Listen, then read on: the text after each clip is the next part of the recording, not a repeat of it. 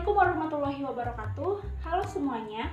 Pada kesempatan kali ini aku mau review satu buku yang paling aku suka dari banyak buku yang pernah aku baca. Ini adalah sebuah novel biografi judulnya Al-Fatih 1453 karya Ustadz Felix Xiao. Tolong dicatat nanti kalian baca karena novel ini asli seru banget kalian gak bakal nyesel kalau baca juga gitu.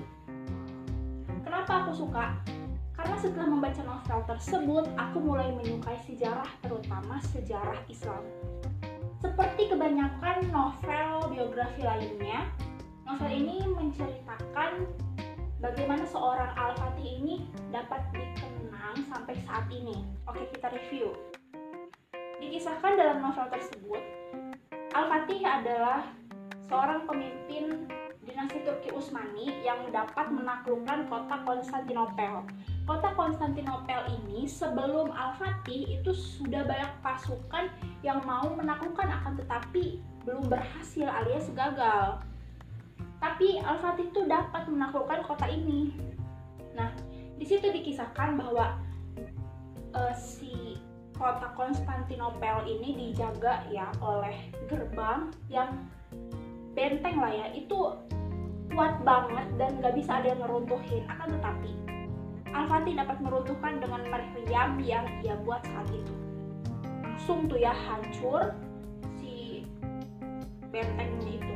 Terus ada kisah lagi, kalau misalkan kalau aku ya, kalau ingat sama Konstantinopel, pasti ingat sama kisah yang kapal laut itu dipindahkan melalui jalur darat.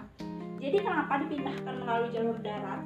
Karena e, kota Konstantinopel ini juga dijaga oleh rantai-rantai itu tuh di lautnya. Jadi nggak bisa ada kapal musuh yang masuk ke Konstantinopel. Itu tuh kenapa nggak ada yang bisa? Karena dijaga-jaga gitu.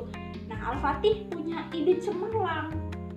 Dipindahinlah si kapal itu dari Bukit Galata menuju Golden Horn. Itu diangkut sama pasukan yang beribu-ribu cuman dalam satu malam itu diangkut gitu.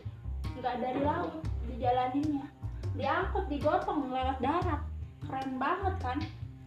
Nah makanya beliau bisa menaklukkan kota Konstantinopel. Dan kota Konstantinopel ini sudah dijanjikan Allah akan uh, apa ya Islam itu akan apa ya me, menjadi uh, pem, apa ya penguasa gitu di kota Konstantinopel. Nah dari kisahnya Al-Fatih kita dapat mengambil kesimpulan bahwasanya nothing is impossible. Nggak ada yang nggak mungkin. Yang penting kita usaha lillahi ta'ala kalau kata Allah iya ya udah iya. Pun fayakun. Jadi atas izin Allah Qadarullah pada tanggal 29 Mei 1453 kota Konstantinopel itu jatuh ke tangan umat Islam. Kekaisaran Bizantium ketika itu runtuh pas hari itu. Nah backingannya Al-Fatih atau Sultan Mehmet II Al-Fatih itu julukannya. Karena beliau adalah seorang penakluk penakluk kota Konstantinopel jadi diberi julukan Al-Fatih.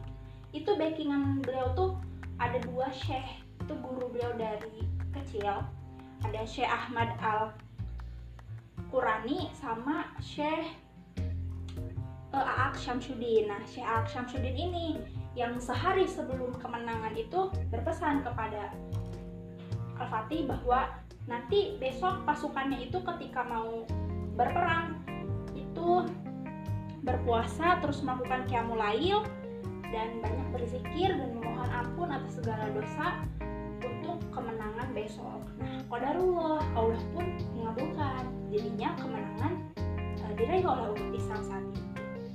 Jadi itu yang dapat aku kasih apa ya sedikit cerita lah sama kalian semua kalian bisa ya untuk baca-baca karena itu seru banget sejarahnya. Jadi membangkitkan kita buat tahu lebih jauh tentang sejarah-sejarah Islam yang lain. Serius itu mah seru gitu ya.